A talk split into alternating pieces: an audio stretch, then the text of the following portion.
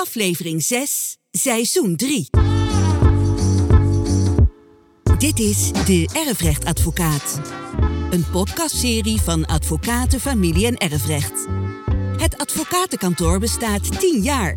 En in deze tiendelige serie kijken we terug op uitspraken die de Hoge Raad deed in de afgelopen 10 jaar op het gebied van erfrecht en familierecht. Hier zijn advocaat Joost Dix en presentator Inge Diepman. Joost, goedemorgen. Goedemorgen. Heb je het druk? Ja, het is altijd druk, maar het is leuk druk. Dus dat is, dat is wel belangrijk. Ja, merk je soms ook dat je drukke periodes hebt? Of, eh, want je maakt elke keer eh, vrij voor mij op deze podcast eh, op te nemen. En ik ga er gewoon eigenlijk vanuit dat een advocaat altijd druk is. Maar is het druk in familie- en erfrechtland? Ja, het is heel erg druk. Er vallen heel veel nalatenschappen open. Er wordt ook nog veel gescheiden, dus het is hartstikke druk. Maar ja, een werkweek van een familie- en erfrechtadvocaat ziet er elke keer weer anders uit. Hè? Want soms hebben we een week met heel veel zittingen. Anders hebben we weer een week met heel veel besprekingen. Het is heel afwisselend. Maar het loopt altijd door als familie- en erfrechtadvocaten. Dat is, eh, dat is ook heel goed. Ja. Dat las ik volgens mij in een artikel of een interview met Brechtje, die de eerste drie eh, podcasts samen met ons heeft gemaakt, jouw partner. En de andere partner is Edith Snakkers van dit advocatenkantoor. Maar dat zij zei van, we verwachten ook dat er in de toekomst veel familie- en erfrechtelijke zaken zullen zijn. Ja, en die, eh, die verwachting die deel ik wel ook met Brechtje. Want kijk bijvoorbeeld alleen maar eens hè, van naar de vergrijzing. Hè. Hoeveel nalatenschappen er wel niet open gaan vallen. Het gaat natuurlijk ook om een hele rijke generatie. We hebben de samengestelde gezinnen. We hebben een erfrecht wat we nu 20 jaar kennen, wat nog helemaal niet is uitgekristalliseerd. Ja, dat zijn allemaal ingrediënten dat een hoop gedoe komt. Maar we krijgen ook ingewikkelde nalatenschappen. Dus de erfrechtadvocaat, ons kantoor in het bijzonder, is steeds meer belast met de afwikkeling van nalatenschappen. Moeilijke nalatenschappen als vererfenaar of executeur. Dus ook dat aspect speelt mee. En dan is het belangrijk dat we de rechtsregels kennen die de Hoge Raad heeft eh, geformuleerd. hè. Absoluut. Want dan eh, Ja. kunnen we daarop inspelen, of moeten we daar zelfs op soms inspelen. Dus vandaar deze serie. Twee uitspraken gaan we weer bespreken: erfrecht en familierecht. Te beginnen met erfrecht. Het is 31 maart 2017. De Hoge Raad en het erfrecht. We hebben twee erfgenamen, Joost: een zoon en een neef. En mag ik stellen dat zoon een beetje stout is? Want hij heeft, geloof ik, niet alles verteld. Hè? Ja, ik geloof het ook. Zo zou je het wel, eh, zo zou je het wel kunnen zeggen. Ja, de moeder van de zoon die had ook nog een, eh, een Zwitserse bankrekening. Daar wist de zoon wel van. De zoon die de erfgenaam was. Maar de neef, de andere erfgenaam, die is er niks van. De moeder was spaarzaam geweest, want die had toch bijna 6,5 ton op die Zwitserse bankrekening staan. En wat dacht nou die zoon? Ja, als ik dat nou voor mezelf hou, dan eh, is dat een stuk gunstiger als dat ik dat met mijn neef, die ook gewoon erfgenaam is, hè, moet delen. En wat, dus- wat is dan eh, datgene wat voor ligt bij de Hoge Raad? Want het was, was waarschijnlijk niet de vraag van... eh, moet ik dat nou delen of niet? Nee, kijk, het was natuurlijk duidelijk hè, dat die Zwitserse bankrekening, hè, dat saldo op die rekening, dat viel gewoon in die nalatenschappen. Dus Ja. dat moesten ze gewoon delen. Maar de vraag die eigenlijk bij de Hoge Raad lag, ja, dat gaat over een, een speciaal regeltje. Die gaat over verdelingen. En dat regeltje is van ja, als je nou niet helemaal eerlijk bent geweest, hè, dus je hebt een goed uit de nalatenschap achtergehouden, hè, dat heb je verborgen gehouden, zoek gemaakt, hè, verzwegen. Ja, dan zegt dat regeltje, dan krijg je straf. En wat is die straf dan? Ja, je deelt niet meer mee in dat goed. Oké, dat, is, het, dat is geen straf die valt onder strafrecht. Nee, nee dus het is, het is een civielrechtelijke strafbepaling. Hè, een, echt een sanctie zou je, zou je kunnen zeggen. En dat is best wel bijzonder hè, in het burgerlijk recht. Hè, dat je eigenlijk, eh, eigenlijk straf krijgt als je iets stouts doet. Dus dan zou zoon geen recht meer hebben op, die zes, op een deel van die 645.000 euro... die op die Zwitserse bankrekening staat. Precies, hè? dus als die neef kan aantonen... Goh, je hebt dat verzwegen, je hebt dat doelbewust eh, gedaan... dan zou de zoon daar inderdaad geen recht meer op Maar hebben. dat geldt dan niet voor de hele nalatenschap? Nee, het is dan Alleen niet- over dat deel wat je verzwegen Het is hebt. niet zo dat je dan de hele nalatenschap ineens kwijt bent. Het gaat dan over het deel wat je verzwegen hebt. Maar zo'n lief heeft hier gezegd... oh, sorry, sorry, sorry. Was het vergeten. Ja, ja. Oh, excuus. Ja, beetje dom. precies. Was een beetje dom. Ja, dus die, die zoon die zegt, ja inderdaad, ik heb die Zwitserse bankrekening eh, achtergehouden. Er was ook geen ontkennen meer aan. Hij zegt, ja, dat had ik ook inderdaad niet moeten doen. Dus ik stel voor dat we alsnog die bankrekening met elkaar delen. En toen zei die neef, nee, ik heb goed in de wet gekeken. Ik wil eh, dat die strafbepaling toch van toepassing is. Dus ik wil in mijn eentje dat saldo hebben. Ja, en waar moest de Hoge Raad toen over oordelen? Van ja, goh, zou het nog mogelijk zijn, nadat je iets verzwegen hebt, te zeggen, ik wil het toch herstellen. Ik had het niet zo moeten doen. Dus ja, ik zeg toch maar dat het er is. En dan Geldt dan de regel nog steeds dat diegene de straf krijgt of ontloop je dan de straf? Dat was de vraag die de En? Hoge Raad moest beantwoorden. Nou ja, kijk, de Hoge Raad zegt van goh, als je nou eenmaal iets verzwegen hebt, ja, verzwegen is verzwegen. Dan ben je het al verbeurd aan de andere partij. Of misschien zijn er wel meer erfgenamen, wel andere erfgenamen. Ja, en dan kun je nog zo'n spijt hebben, maar dan ontloop je de sanctie van, ja, in dit geval, hè, het, regeltje staat in artikel 194 lid 2 van boek 3. En die sanctie ontloop je dan niet meer. En geldt dat voor alles? Ik bedoel, hier ging het over een behoorlijk groot bedrag op een eh, bankrekening. Maar stel, je hebt op het land eh, van, eh, in dit geval was moeder geloof ik, je moeder. Er staat een schuur, er staat een hele mooie oldtimer in. Jij bent de enige die dat weet. En je hebt die oldtimer even verplaatst naar je eigen garage. Ja, kijk, het gaat erom. Hè, je moet iets, iets opzettelijk achterhouden. Hè, en die opzet, heeft de Hoge Raad al eerder gezegd, is helemaal niet spannend. Hè. Het gaat er alleen maar om dat je wist dat het tot de nalatenschap behoort. Hè. Dus dat is het enige criterium waar je moet voldoen. En als je dan niet hem naar je eh, huis verplaatst met het doel van... Ik ga hem dan nog eens even oppoetsen. Hè, dan kunnen we misschien als nalatenschap beter verkopen. Nee, maar het is volstrekt helder dat iemand hem naar zijn eigen garage heeft verplaatst. Omdat de rest die oldtimer namelijk helemaal niet kende. En je denkt, hé, hey, dan heb ik die mooi voor mezelf. Geldt het regeltje daar ook. Hè, dus dan ben je de oldtimer kwijt aan de andere erfgenaam. Nog een voorbeeld. Want je zegt het geldt overal voor. Maar stel dat stuk grond waar ik het net over had, hè, met die schuur en wel of niet die oldtimer.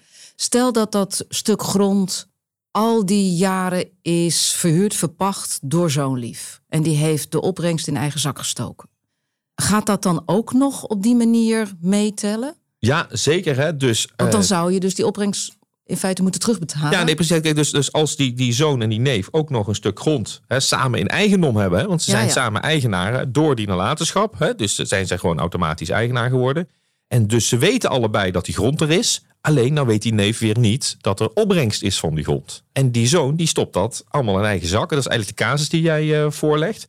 Ja, dan verbeurt de zoon hier de opbrengsten. En dus niet de grond zelf, maar de opbrengsten die dus eigenlijk in de nalatenschap hadden gemoeten. Die heeft hij in dit geval opzettelijk verzwegen. En dus verbeurt hij de hele opbrengst aan de neef.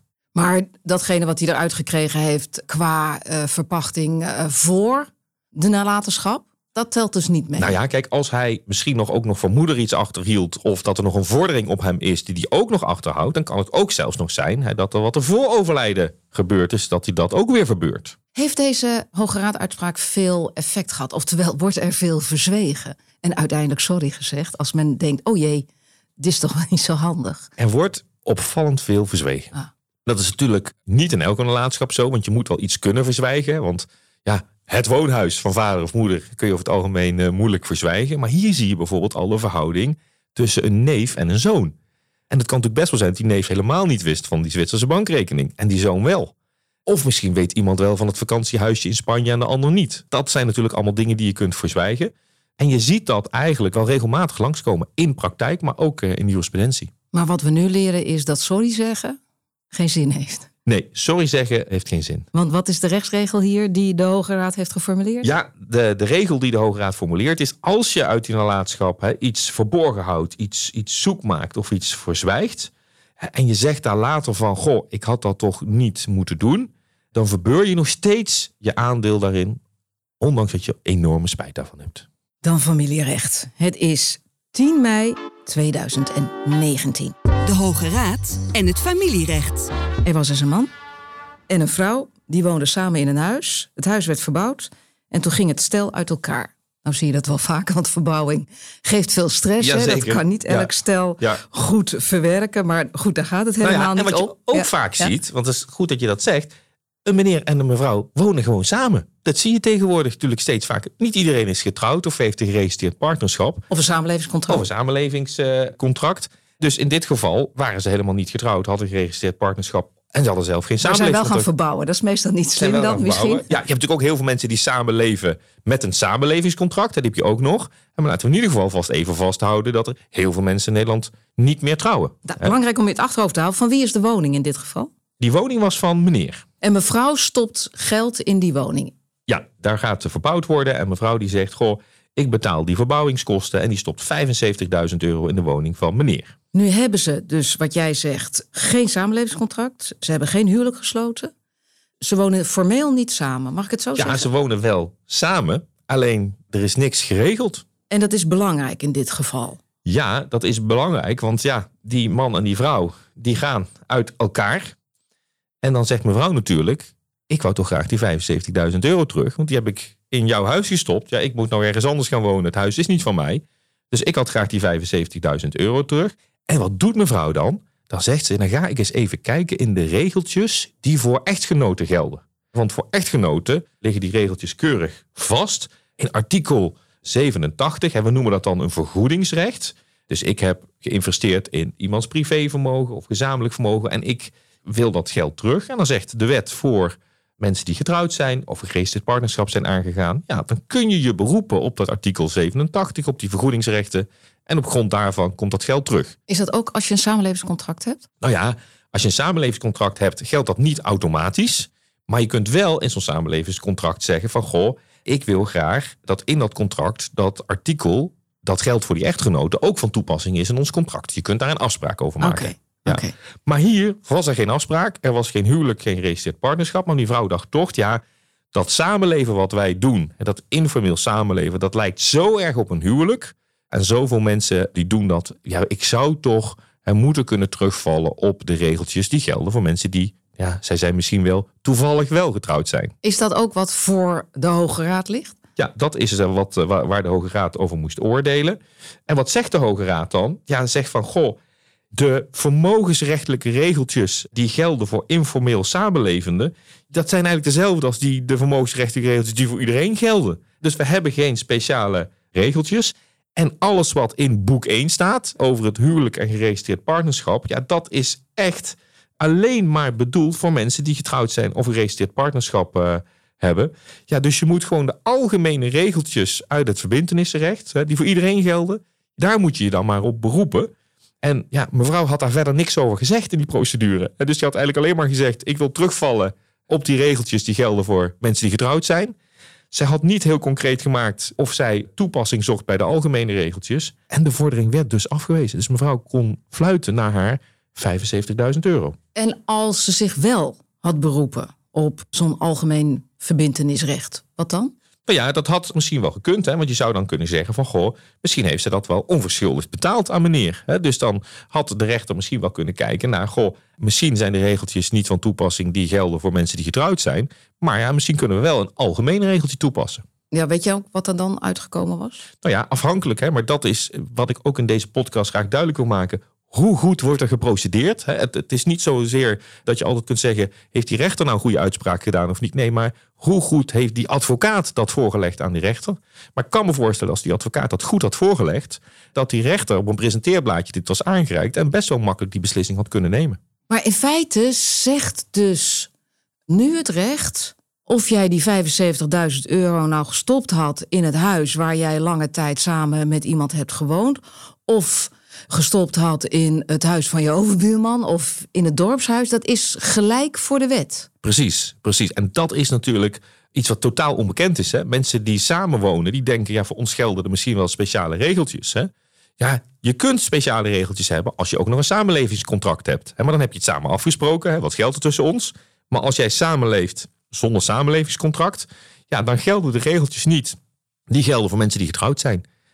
Dat, dat is niet veel bekend, hè? Maar goed, dan, dan is hier toch. Heeft de Hoge Raad daar tussen de regels niet iets van gezegd? Want er zijn natuurlijk steeds meer mensen die informeel samenwonen. Dus dan zou je toch zeggen: Goh, makers van de wet, ga daar eens naar kijken. Ja, zeker. Hè? Dus je zou kunnen zeggen: moeten er misschien niet wetsbepalingen komen voor informeel samenwonenden? Ja, voorstanders die zeggen daarvan: ja, natuurlijk kan een hoop uh, problemen voorkomen. En het is ook zo dat mensen die wat is nou eigenlijk het, precies het verschil als je 30 jaar samenwoont of je bent 30 jaar getrouwd? En anderen zeggen, nou ja, nee, misschien zou je juist wel wat contractsvrijheid moeten hebben. Hè? Kijken wat je samen zou kunnen afspreken. Dus de wetgever moet zich nou net niet weer gaan bemoeien met mensen die juist er bewust voor kiezen om niet te gaan trouwen. Je kunt je overigens afvragen of mensen die niet getrouwd zijn, daar bewust voor kiezen. Zich allemaal realiseren welke regeltjes er dan wel of niet van toepassing zijn. Maar de wetgever zou hier aan zet zijn en niet de Hoge Raad. Ja, maar geldt het voor alles dan? Ik bedoel, stel je hebt een relatie gehad voor 30 jaar, je hebt informeel samengewoond, geen verbindenis, uh, een wettelijke verbindenis, en je hebt ook geen samenlevingscontract. Geldt het dan bijvoorbeeld ook voor alimentatie? Ja, precies. Hè? Dus voor Want- samenlevenden is er geen enkele alimentatie. Ik zal het je nog sterker vertellen. Als jij 30 jaar samenwoont zonder samenlevingscontract en zonder testament, dan kan het zijn als de woning van meneer en meneer overlijdt, ja, dat mevrouw binnen no time die woning uit moet. Want ja, ze is geen eigenaar van die woning. Terwijl En ze zij ook- misschien wel dus die 75.000, 100.000, 300.000 Ja, euro, ja, ja. weet ik veel. In het, En ze is ook geen erfgenaam, hè? Ze is ook geen erfgenaam volgens de wet. Want de wet zegt je automatisch, een geregistreerd partnerschap en een huwelijk. Ja, dat helpt heel erg als je automatisch erfgenaam wil zijn. Maar als jij maar gewoon samenleeft met iemand, ben je niet automatisch erfgenaam. Daar heb je een testament ook voor nodig. Dus het werkt ook nog eens uit in het erfrecht. Nou, ik denk dat eh, er bij eh, links en rechts bij luisteraars nu een lampje gaan branden. Misschien niet jouw collega's, maar de gewone leek die eh, naar deze podcast luistert vanuit de interesse en denkt: hier moet ik nog eens even goed over nadenken. Misschien toch maar dat samenlevingscontract. Ja, of misschien gaan trouwen, maak je er ook nog een leuke dag van. Zoals jij hebt gedaan, hè? getrouwd volgens mij Ja, afgelopen jaar. Ja. Tot slot, de rechtsregel die de Hoge Raad heeft geformuleerd. De Hoge Raad zegt heel duidelijk: als je informeel samenleeft, zijn de regeltjes hè, die gelden voor mensen die getrouwd zijn niet van toepassing. Hoe helder heeft hij het weer geformuleerd? Joost Dix, dankjewel. Dit was de Erfrechtadvocaat. Voor wie niet alleen wil luisteren, maar ook wil lezen over familie- en erfrecht, gaat naar familie-erfrecht.nl, de website van Advocaten Familie- en Erfrecht. Daar is ook alle informatie te vinden over het inschakelen van een erfrecht- of familierechtadvocaat. Mocht u willen reageren op deze podcast, stuur dan een e-mail naar info@familie-erfrecht.nl.